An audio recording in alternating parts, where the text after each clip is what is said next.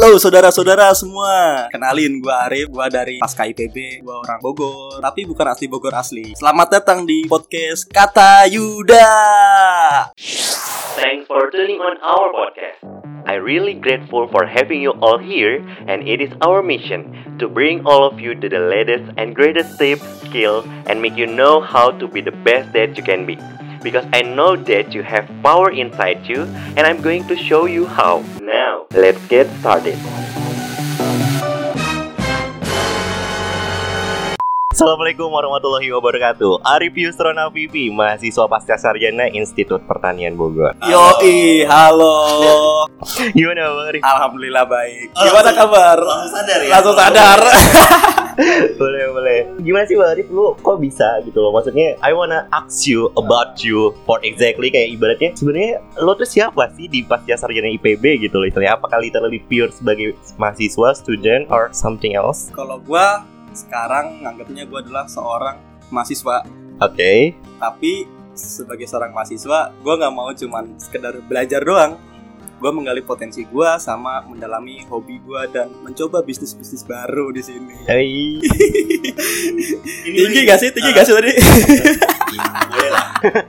Tapi nih Bang Arif, anyway Buat pendengar podcast Kata Yuda Gue berharap banget pastinya ketika lo mendengarkan podcast ini Lo dalam kondisi yang sehat banget pastinya ya Apalagi kita udah masuk di bulan ke 78 Iya kan, istilahnya dengan kondisi pandemi ya gue berharap Lo tetap sehat makmur Amin. Mau itu sehat kesehatan lo atau mungkin sehat dompet lo gitu kan Dan kalau bisa kata Yuda pun terus sehat. Amin Karena kalau nggak kata Yuda sepi coy podcast. Oh gitu ya? Yo, Eh, bisa aja lu Jilat mulu lu ya Anyway nih Bang Arif Lu sebagai mahasiswa pasca sarjana Pastinya lu udah lulus S1 dong Pasti ya Apa sih yang lu rasain saat lu lulus S1? Pas gue lulus S1 pertama, ya gue bersyukur bersyukur kalau gue bisa menyelesaikan tahap ini. Oke Dan alhamdulillah tepat waktu. Dan waktu itu udah belum terpikir waktu itu malah buat S2 karena fokusnya buat kerja dulu. Alhasil saat kerja menemukan kayak fase di mana lu bosan bekerja, akhirnya memutuskan buat kayaknya seru juga nih S2. Ya gue coba aja lah. Alhamdulillah gue bisa di tahap ini sekarang gitu. Oke, paham, paham, paham. Tapi kalau misalnya lu rasain nih, kenapa lu tiba-tiba udah kenal uang? Yang gue pernah dengar adalah ketika kita udah mendapatkan sebuah uang, kita lupa diri untuk mengejar pendidikan lagi. Ini, ini banyak orang yang terpikir seperti itu. Awalnya sebetulnya gue yang kalau dibilang terlena karena uang, gue termasuk orang salah satunya gitu. Karena uang itu bener emang nggak bisa membeli kebahagiaan. Jadi di saat gue punya uang kayak, kayaknya gue kok gini-gini aja siklus hidup gue berangkat pagi pulang sore. Gue pengen mencoba siklus baru, kayaknya seru juga sih kalau jadi kuliah lagi gitu kan. Akhirnya gue nyoba, kayaknya gue cocok ambil ini nih. Karena buat cita-cita gue, gue pengen jadi kayak gini. Akhirnya gue memutuskan buat S2 S2. gitu. Wow, berarti emang itu adalah sebuah alasan lo kenapa lo memilih S2 karena lo nggak mau hidupnya monoton kayak ya gue berangkat jam 7 gue balik jam 5 gitu. Gitu. Oke gitu. Anjir, padahal udah kenal duit gitu loh. jadi kayak lu bosen aja gitu yuk tiap pagi berangkat kerja ya mungkin udah ngerasain fase di mana lu bosen dengan lingkungan kerja juga kali waktu itu tapi gue bersyukur juga dapat budaya bosen itu kalau nggak gitu kan nggak bisa di tahap sekarang gitu gue bersyukur di situ jadinya Bentar, lo dari tadi bilang tahap sekarang, tahap sekarang. Emang tahap sekarang yang lo rasain tuh apa? tahap sekarang yang gue rasain gue lagi bahagia banget Karena ketemu gue. ya itu pertama gue selalu bersyukur di saat ketemu ketemu teman-teman kayak kalian-kalian sebanyak lah gitu kan. Siapa pun itu pasti gue seneng lah bertemu kan apalagi udah lama gak ketemu. Jadi bahagia gue sekarang ini di tahap sekarang ini adalah di saat gue tiap pagi gue udah terplanning gitu. Gue mau ngapain hari ini? Terus di saat ada waktu gabut gue bisa eksplorasi apa sih yang gue kepoin ini nih biar bisa gue realisasiin. Nah itu gue bersyukurnya. Tapi nih sebelum ngobrol lebih jauh nih Bang Arif, gue pengen tahu lagi nih soal diri lo sendiri, self branding lo sendiri. Kayak gimana sih? Kayak misalnya, oh ternyata gue tuh nama lengkap gue Arif Yusrana Vivi, gue kerja sebagai apa, sekarang sebagai apa segala macam. Gue butuh data dari lo nih istilahnya.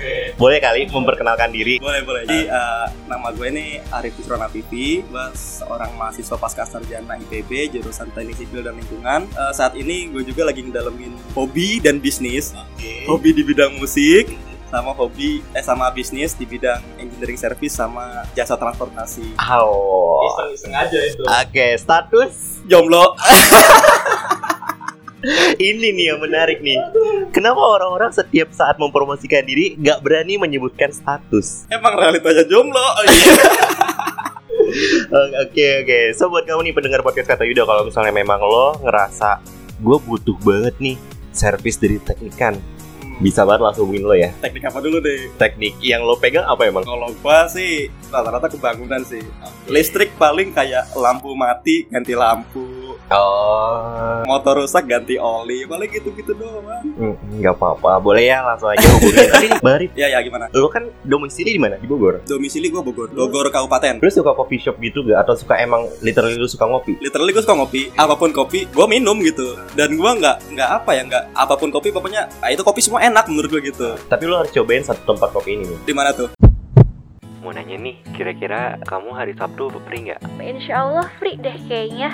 Ada apa nih? Kamu masih inget gak sama coffee shop yang kemarin kita ketemu di Bogor? Hah? Coffee shop saat kita ketemu yang di Bogor? Oh, sisi kiri maksudnya. Yuk, boleh banget. Aku juga kangen nih sama Joshua kopi susunya di sisi kiri. Iya, yang itu. Kayaknya enak ya kalau akhir pekan gini diisi dengan ngopi. Boleh, boleh. Pas banget. Aku juga lagi nyari tempat yang instagramable gitu buat feeds IG aku. Apalagi di sisi kiri, indoornya ada boneka-boneka lucunya gitu kan. Dan outdoornya juga cocok banget buat foto-foto. Pokoknya pas banget deh buat feeds di Instagram. Iya, siap. Nanti aku fotoin sampai galeri kamu penuh deh. Eh iya, ada sesuatu nih. Hah? Sesuatu? Apaan tuh? Hmm, nggak jadi deh, nanti aja. Ih, apa enggak? Jangan bikin penasaran gini dong. Aku nggak bisa ya diginiin. Nggak enak kalau diobrolin di telepon. Nah itu dia teman podcast kata Yuda itu wah gila sih gue nggak nggak nggak nggak kepikiran lagi kenapa gue harus cari tempat coffee shop yang lain selain di sisi kiri gitu. tapi sisi kiri tuh enak tau ya Kok bisa? Iya selain tempatnya enak, kopinya juga enak. Ya kalau butuh tempat yang lebih nyaman lagi ada tahu. Di mana? Sisiku. Sebenarnya gue gak geli sih karena lu yang ngomong. Oh, berarti kalau cewek berarti lu bisa Auto. auto. auto auto.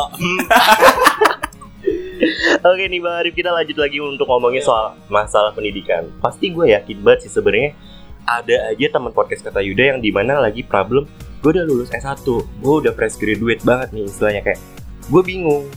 Kayak gue mau melanjutkan pendidikan kayak misalnya lanjut S2 juga tapi di satu sisi gue butuh ekonomi. Kayak gitu istilahnya. Nah kalau menurut lo sendiri nih Bang Arif kayak sebenarnya S2 itu atau mungkin kita bisa bilang melanjutkan studi nggak harus S2 atau mungkin bisa S3 atau mungkin sekolah keprofesian menurut lo kenapa sih atau mungkin apakah memang orang yang melanjutkan pendidikan itu adalah terpaksa atau memang kebutuhan Kalau menurut gua pertama itu kebutuhan. Karena di saat kita ngambil S2 pasti kita punya tujuan. Tujuan kita mau ke mana nih? Habis S2 nih gitu. Dan menurut gua keterpaksaan itu bukan sesuatu yang sial maupun kayak bukan kayak apa namanya kayak wah gue terpaksa nih ngambil S2 menurut gue itu bukan bukan kayak lu dipaksa banget gitu kan. Padahal lu mungkin awalnya kayak nggak enak hati atau nggak nyaman. Menurut gua bisa terpaksa itu adalah suatu rezeki yang yang Tuhan kasih gitu. Jadi kayak misalkan Tuhan ini udah ngasih jalan oh mungkin lu sekarang ini kayaknya meskipun si orang ini dia pengennya kerja tapi dia ini dipaksa oleh siapa pun itu terus dipaksa buat oh, lu harus ngambil S2 gitu. Mungkin Tuhan ngasih cara jalan lu lu kayaknya kalau kerja nanti lu bakal kayak gini deh makanya lu S2 aja nih coba nih. Meskipun dipaksa awalnya lu mungkin terasa berat tapi di saat lu jalanin dengan ikhlas lu akan mendapatkan hasilnya nanti gitu. Jadi jalur rezeki itu kita beda-beda cara gitu loh. Ada yang jalan jalan rezekinya dari kebutuhan dia pengen ngambil S2 ada yang dia dipaksa terus sampai akhirnya dia menemukan jalurnya dia sendiri. Terus ada lagi yang dia tanpa nggak sengaja gitu. Nggak sengaja tiba-tiba lah kok tiba-tiba S2 begitu. Dan lo kasusnya yang mana nih kebutuhan.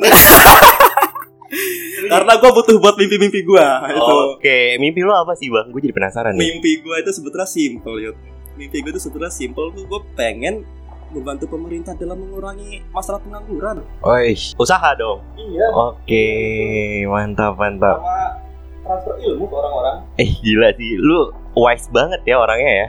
Iyalah. Bisa lah. Ya niat baik pasti ada jalan lah Tapi gue setuju sih sama statement lo yang ketika orang yang terpaksa itu nanti ujung-ujungnya akan menemukan jati dirinya kembali. betul. Eh, iya, karena biasa nih ya teman podcast kata Yuda sama Bang Arif. Gue sebenarnya salah satu orang yang di mana gue dipaksakan oleh orang tua gue. It's mean kayak gue tidak bermaksud gue mungkin memang orang tua gue lagi ada rezeki sehingga menawarkan mau lanjut S2 atau enggak. Tapi dalam hati nurani gue karena gue cowok gue harus butuh duit. Eh gue harus nyari duit maksud gue gitu kan. Dan kayak ya udahlah. Akhirnya gue menunda umur gue untuk mendapatkan pekerjaan mencari pekerjaan malah untuk ke S2 Nah, jadi sama nih, gue pun gue pun awalnya berpikir seperti itu. Karena pas gue S2 awal-awal kan gue sambil kerja. Karena gue terpikir ah gue S2 dengan ego gue sendiri Iya. pikir masih bisa dapat bayaran dapat ini. Ternyata proyek gue habis. Wah pusing kan kuliah baru sebulan yang tapi alhamdulillahnya semester pertama udah kebayar gitu. Cuman dari situ langsung mikir gue fair fairan aja sama orang tua kan. Gue kalau misalkan nggak dapet kerjaan lagi gue bakal minta uang. Cuman orang tua itu dia ngerti gitu kalau akhirnya dibantu lah gitu. Cuman ya gue nggak menutup diri gue berusaha berkarya juga gimana cara kita menghasilkan uang gitu loh.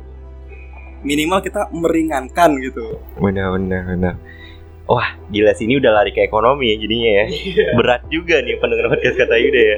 Tapi di, sebenarnya di depan kita itu ya Bang Arif kan ada satu orang lagi nih. oh iya Nah, gue penasaran dari lo sendiri nih Jihad.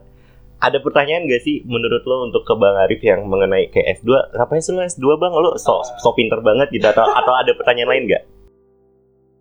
pertanyaan gue itu ya kenapa ini loh bang kan tadi kan S2 itu kan ada terpaksa kalau enggak memang kebutuhan dari ini ya tapi kan ada juga yang mikir gue harus S2 untuk titel hanya sekedar titel Oh iya, bener-bener. lu menurut gua bener gak sih yang lu bilang itu hanya kebutuhan untuk pendidikan? Apakah memang lu harus butuhinnya? Yang lu butuhin itu titelnya itu untuk mencapai cita-cita lu itu. Nah, ini Ini menarik sih fix. Eh, karena ada beberapa kayak kasusnya di mungkin di setiap kampus nih ya. Setiap kampus pasti ada yang kayak gitu. Dia sampai merelakan gue pengen S2 demi kayak begini demi kayak gelar gitu biar kayak orangnya terpandang apa segala macam. Ya pasti ada aja lah orang kayak gitu kan. Ya menurut gue itu suatu kebutuhan juga masuknya. Masuknya ke kebutuhan karena dia butuh buat titelnya doang. Entah dia endingnya dia di saat udah punya titel itu mau ngapain ya mungkin tergantung personalnya masing-masing gitu. Nah jadi pertanyaan gue itu nah kebutuhan itu dalam artian titel untuk menjadi untuk menggapai suatu cita-cita yang tadi lu jelasin apakah kebutuhan pendidikan oh. pembelajarannya? Kayak gitu loh bang. Kalau gue kebutuhannya tuh dua. Yang pertama skill. Karena dulu jurusan gue pas S1 itu nggak relate sama keinginan gue. Itu apa ya jatuhnya keterpaksaan. Waktu itu juga sama. Daripada nggak kuliah ya udahlah coba aja ini gitu. Nah, yang kedua tadi kebutuhan gue yang kedua adalah titel juga gue butuh. Karena untuk melengkapi di suatu persyaratan cita-cita gue nanti. Wow. Jadi emang istilahnya kayak kalau apa pun tujuan orang ketika mau melanjutkan studi sebenarnya tujuannya pasti niatnya yang baik ya. Yang baik pasti. Cuman ada aja yang mungkin nyeleweng akhirnya kayak ya udahlah ya. Ah itu Iya. ntar masalah kadang ada yang mikir gini kan yang penting gue dapet gelar masalah rezeki belakangan gitu yang penting gue menguasai ini dulu ini dulu ini dulu gitu Tapi emang menarik juga sih dari dari pertanyaannya Jihad ya. Anjir, gue jadi mikir loh bener loh kayak ternyata ada aja orang yang nyari gelar doang ya. ada pasti Gile. Karena contoh gini contoh gini banyak kasus gini. Di mana orang ini kasarnya udah punya posisi enak di suatu pekerjaan. Tapi dia pengen mengembangkan potensinya dia. Iya iya iya. nah misalkan nih contoh dia sekarang ini jadi supervisor di suatu perusahaan. Oh, Ke- atau kepala kepala kepala apalah gitu kan. Nah sedangkan dia ini pengen jadi manajer. Gimana caranya? Gue harus jadi manajer gitu kan. Sedangkan masalah skill gue udah menguasai nih kalau di tempat kerja gue karena kerja gue udah lama. Wah kayaknya gue harus ngambil S2 nih biar jadi manajer. Nah dengan kayak gitu orang itu akan ngambil S2 tapi dengan mengharapkan titelnya doang. Sedangkan untuk masalah skill dia aku udah menguasai gitu loh. Tapi dia dengan ilmu kuliah dia pasti akan mendapatkan ilmu lagi gitu yang bisa mungkin diterapin di tempat kerjanya itu. Iya sih bener sih. Gokil. Ini sebenarnya balik lagi ke orangnya ya. Tujuannya apa ya? Gitu, Oh iya, oke bagus. Jihad, ada lagi yang mau ditanyain? Eh, itu dulu ya. Oke. Jadi mendengar podcast kata Yuda, sebenarnya Jihad itu orangnya sangat apa ya? Sangat karismatik kali ini visioner. visioner Ah, Iya, dia udah udah memikirkan banyak langkah untuk kehidupannya gitu. Asik. Mudah-mudahan buat kamu juga ya pendengar podcast kata Yuda jangan pernah lo hanya mikirin untuk saat ini doang. nah itu Mm-mm. penting tuh Bener ya. Tapi nih, Bang Arif, gue masih penasaran. Maksudnya, tadi udah dibahas antara kebutuhan atau terpaksa. Emang sebelumnya itu sendiri kan lo udah merasakan lulus S1 dan sekarang lo udah masuk ke S2 semester berapa? Sorry, semester masuk semester dua semester 2. It's mean lo udah pernah lah ngerasain satu semester selama S2 ya. iya Lo ngerasain ada perbedaan gak sih selama lo menempuh pendidikan selama S1 dan S2? Wah, beda banget Apa tuh? karena jujur uh, dulu S1 gua tipikalnya masih pengen kayak sekedar kuliah main. Pulang kuliah main. Nongkrong ke mana ke mana. Di saat S2 kita nggak bisa coy ternyata kayak gitu. Wow. boro-boro kayak kita pengen kayak apa ya? Nongkrong sih nongkrong gitu tapi kadang otak masih mikirin tugas mikirin ini mikirin itu. Jadi kayak sekalian nongkrong tuh kadang nongkrong produktif jadinya. Nongkrong sambil nugas. ah. Udah gitu kayak sistem perkuliahannya juga sama. Itu emang mungkin kalau di S1 kita ditekankan bahwasanya lu harus mengerti suatu bidang ini ajaran baru apa segala macam bagaimana cara pengaplikasiannya tapi di saat udah S2 lu harus mengerti teoritis kenapa sih ini harus kayak gini kita harus tahu teorinya bener-bener detail gitu Basic ya. basic gitu dan itu lebih menjerumus ke dalam lagi Tapi bukan lubang buaya kan jerumusnya. Bukan ya? bukan itu bukan kalau lubang buaya kembali ke sejarah dong nanti. Bukan bukan kita bahas S2 tapi malah bahas sejarah dulu gitu loh. Kadang emang apa ya gue gue jadi mikir iya juga ya kalau ternyata S2 itu me- me- apa ya kita bisa nongkrong tapi kalau nongkrongnya nggak produktif ya kita ketinggalan. Betul. Oh jadi gimana pun mungkin kita harus manfaatin waktu yang bener-bener bagaimana caranya gue nongkrong tapi tugas gue kelar gitu. Iya sih benar-benar. Nah itu tuh. Wow ada lagi nggak yang lo rasain perbedaannya? Bedanya lagi kedua itu dari lingkungan pertemanan. Di lingkungan pertemanan tuh kita udah nggak bisa kayak ngomporin temen woi ke tempat sono yuk. Itu udah nggak bisa rame gitu. Kalau mungkin lu S1 bisa 10 orang sampai satu angkatan lu jalan-jalan bareng gitu kan. Tapi di saat S2 paling cuma dua orang tiga orang terus kalau dari segi di dalam kelasnya ada lagi yang lo rasain nggak Wah seru sih kalau dalam kelas sih ini yang paling gue suka ya. Sebetulnya gue lebih senang sistem perkuliahan tuh yang kayak seperti ini. Kayak gimana tuh? Karena di saat S2 itu menurut gue ya yang gue rasain adalah kita di saat kuliah itu lebih banyak berdiskusi. Jadi kita apa ya eh, komunikasi antar mahasiswa dan dosen ini dua arah. Dan gue jujur senang dengan sistem perkuliahan seperti ini. Dan nggak harus ditekankan apa ya.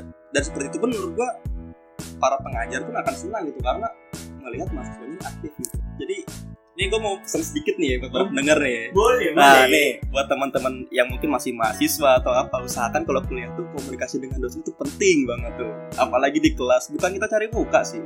Iya. Tapi kita harus gimana caranya pemikiran kita tuh dua arah atau arah sama dosen maksudnya komunikasinya ini dua arah gitu. Ada timbal balik, ada feedback.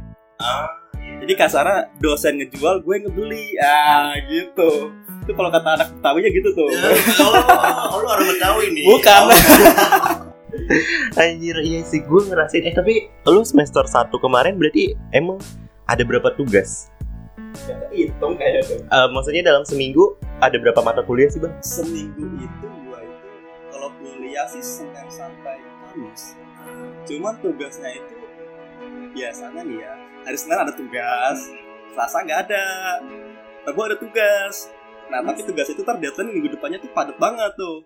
Satu tugas kadang satu mata kuliah langsung dua tugas tiga tugas. Oh sebanyak itu ya kelas 2 ya? iya kadang begitu. Ya, cuma kita harus depan juga. Oh tapi lu ngerjain tepat waktu berarti bang? berusaha tepat waktu. Kalau bisa malah sebelum sebelum misalkan dikumpulin hari Kamis jam 6 nah gue kalau bisa ngumpulnya itu hari Rebo gitu ya karena menurut gue di saat kita on time waktu eh, itu dosen berarti punya pertimbangan lebih. Tapi gue pernah apes kayak begitu. Lupa ngirim. Jadi ngirim ke aplikasi gue lupa mencet oke. Saking gue ambisiusnya akhirnya nilai gue dikurangin. Suwe ya.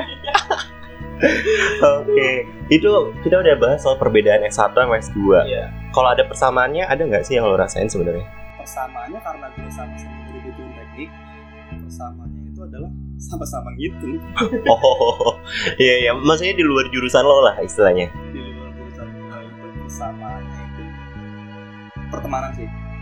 Langsung kerasa banget. kerasa banget. Karena pasti samanya gini karena kita sama-sama background teknik pasti sama gitu punya kayak istilah saling solidaritas wah, saling backup satu sama lain gitu. Ya itu sih. Oke Bang Arif Kita masuk nih. Soalnya kalau misalnya Tadi kan udah ada istilah kayak meyakin Apa terpaksa ada lagi kebutuhan ada lagi yang mungkin emang kebutuhannya nyari title. Sebenarnya kalau dari lo sendiri nih bang karena lo tadi bilang sebenarnya lo model ya emang dasarnya terpaksa istilahnya. Awalnya jadinya kayak lo terpaksa akhirnya ya udah dan ujung-ujungnya ternyata lo di tengah-tengah perjalanan lo selama kuliah ternyata lo hilang project-project kerjaan. Nah jadi awal tuh emang sebetulnya bukan terpaksa sih. Karena tepatnya itu kayak gue butuh ini nih. Ah. Nah gue butuh ini akhirnya gue kejar nih kebutuhan gue nih. Gue butuh ini gue kejar nih. Gue butuh S2 karena gue punya buat mimpi gue gitu Iya. kan. Akhirnya gue perjuangin gimana cara gue S2 dengan mandiri. Di saat gue udah kejar ini ada aja hambatannya tapi hambatan itu bukan masalah gitu udahlah kita hantem aja dulu gitu. Rezeki ada yang ngatur gitu. Modal nekat. modal nekat. Itu filosofi gue tuh. Nekat a- dulu aja. Nekat aja dulu insya Allah ada jalan. Nah, pasti ada jalan kalau nekat baik. Gue boleh tepuk tangan gak? eh tepuk tangan. Tapi nih pendengar podcast kata Yuda, ada satu pertanyaan sebelum pertanyaan terakhir nih bang. Gue penasaran sama orang-orang yang memilih S2. Bagaimana sih caranya meyakinkan diri kalau ternyata lo layak untuk melanjutkan studi lo? oh ah. Ada nggak kalau yang lo rasain kayak untuk meyakinkan diri lo sendiri selama ini kayak mungkin selama lo perkuliahan tiba-tiba lo merasa kayak apa gue berhenti kuliah S2 ya? oh ah. Ada nggak sih tips atau mungkin trik lo sendiri untuk meyakinkan diri lo? sebetulnya gini ya setiap orang siapa itu layak buat sampai S2 itu layak setiap orang itu layak buat sampai sekolah setinggi tingginya cuman satu lu harus berani keluar dan meninggalkan sesuatu zona nyaman lu. Apalagi di saat potensi terberat itu yang tadi kata lu bilang tuh kalau misalkan orang yang duit dia akan apa ya udah lupa dengan pendidikan. Sebetulnya itu baik lagi ke orangnya gitu. Karena kadang ada juga orang pengen S2 tapi dia masih latar belakangnya. "Aduh, tapi kalau gue enter S2 ntar gimana ya gue gak dapet uang bulanan sedangkan gue di rumah butuh buat ini ini ini ini, ini. nah tapi gue mau kayak tahu di saat lu punya keinginan lu kejar aja. Mimpi lu mimpi kita harus kita kita harus kejar harus kita perjuangkan gitu. Selagi kita masih dikasih umur sama Tuhan gitu. Kalau emang kita niat kita udah niat seperti itu pasti ada jalan gitu loh. Entah dari rezeki entah dari apa pun pasti ada jalan. Pokoknya intinya setiap orang itu layak lah buat melanjutkan pendidikan setinggi tingginya jangan kayak misalkan contohnya gue udah malas lah S2 lah. Karena gini gini, gini. Itu gak kayak orangnya gitu. Cuma kadang ada orang pengen S2 gue pengen S2 tapi dia kalau tinggalin kerjaan lu gini, gini, gini, gini, gini. dan itu teman gue ada kayak gitu. Tapi gue saran coba deh lu bilang sama bos lu bos kantor lu ya mau gak dia ngasih beasiswa bos lu? Gitu loh. Karena ada beberapa perusahaan yang kayak gitu. Jadi kayak misalkan dia ini kayak lu gua kuliahin deh S2 tapi ntar saat lulus lu kerja di sini lagi ya. Lu kembang perusahaan ini ya. Nah gue dulu nyari kayak begitu tapi gak ketemu Belum rezekinya bang. Belum rezekinya. yang tadi gue bilang jalan rezeki itu hari kita masing-masing iya Mantap nih Bang Arif ya. So buat teman podcast kata Yuda ya berarti istilahnya kalau emang lo mau lanjut studi lo harus tentuin dulu mimpi lo tuh sebenarnya apa. nah Iya. Mantap. Kita udah satu hati banget. hati nih Oke, last Iya. question apa? kayak apa satu hati itu kan kayak produk kendaraan begitu Oh gitu, one heart gitu ya. last question nih Bang Arif. Nah, Lo pasti punya pesan dong. Nah, yang sekarang yang pengen gue tanyain adalah pesan kepada fresh graduate yang di mana mereka pasti lagi dilema banget nih. oh iya nih banyak kasus nih sekarang nih Eh, eh, ada nggak sih pesan lo untuk ke fresh graduate yang bingung antara mau lanjut kuliah atau kerja? kalau dihadapkan dengan situasi seperti itu itu balik lagi ke orangnya lu lebih berat ke kerja atau pengen lanjut studi kalau misalkan lu pengen lu cari perusahaan kalau bisa sebelum lu lulus lu minimal udah mulai mulai ngelamar. Jadi kita punya jangka waktu ke depannya di saat kita lulus kita jadi cepet gitu loh. Rezeki gue ternyata lebih cepet nih gitu. Kalau emang lu pengen kuliah lagi pengen studi usahain lu tentuin gue mau ngambil apa nih? Nah gitu kalau misalkan lu butuh keterbatasan biaya, lu cari beasiswa. Nah jadi seenggaknya di saat kita FGD lulus baru lulus nih kita udah punya pegangan gitu. Gue udah punya tujuan, gue mau ke sini sini sini sini sini gitu. Karena dilemanya anak-anak S1 itu, gue pun ngerasain gitu kan. Di saat lulus tuh kita ketemu banyak simpang gitu. Iya. Kita mau ke mana nih gitu kan? Oke, nah terus kerja deh, gue kerja dulu aja nggak apa-apa gitu. Masalah kita mau lagi studi, urusan berdua. Gitu kalau emang mau lanjut studi fokusin dari sekarang lu mau tentuin apa mau kuliah di mana dengan jalur kayak gimana tentuin itu kayak gitu Ibaratnya kayak sebuah ini ya, ada orang yang bilang tuntutlah ilmu sampai ke negeri Cina gitu. nah, nah, Karena gue ngerasain sih kayak ibaratnya herannya nih ya bang. Kalau ketika lo udah niat baik nyari ilmu, kok kayaknya entah itu langsung datang aja rezekinya ke kita atau malah melalui orang tua. Nah, Iya nggak sih? Gue setuju. Ah, ah. Itu gue setuju banget. Bener. Wah gila. Bahkan kalau yang gue rasain adalah tiba-tiba ada aja beasiswa, ada aja yang project-projectan yang datang ke kita. Oh.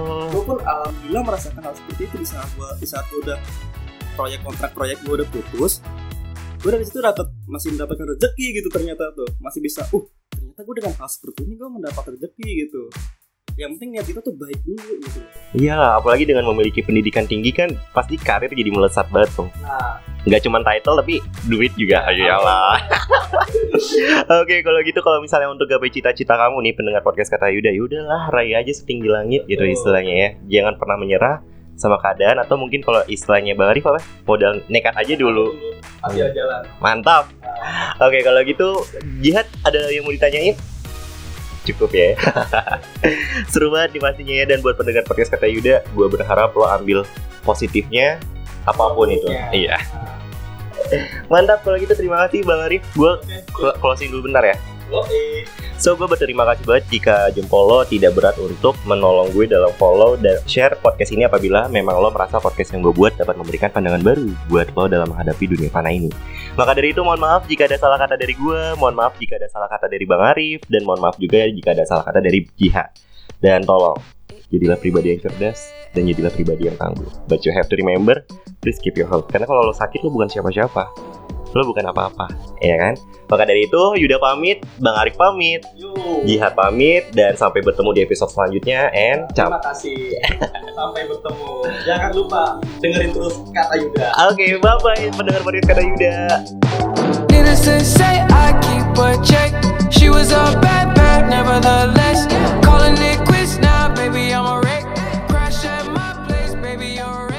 Mantap sih Bang Arif. Dreamwork nggak ya? Pemi, apa pemi, pemimpi. Oh, di, oh catatan mimpi. Iya iya pernah Bikin nggak? bikin. Tapi di buku gua mah. Lu coba kan, lu bikin gitu. Serius. Iya. Karena tiap hari satu lu baca, lu kayak termotivasi sendiri. Ah, bukan aing doang. Karena gue pun buat tempel di kamar gue sampai masuk itu ngapain. Then you're left in the dust, unless I stuck by you. You're a sunflower. I think your love would be too much, or you'd be left in the dust, unless I stuck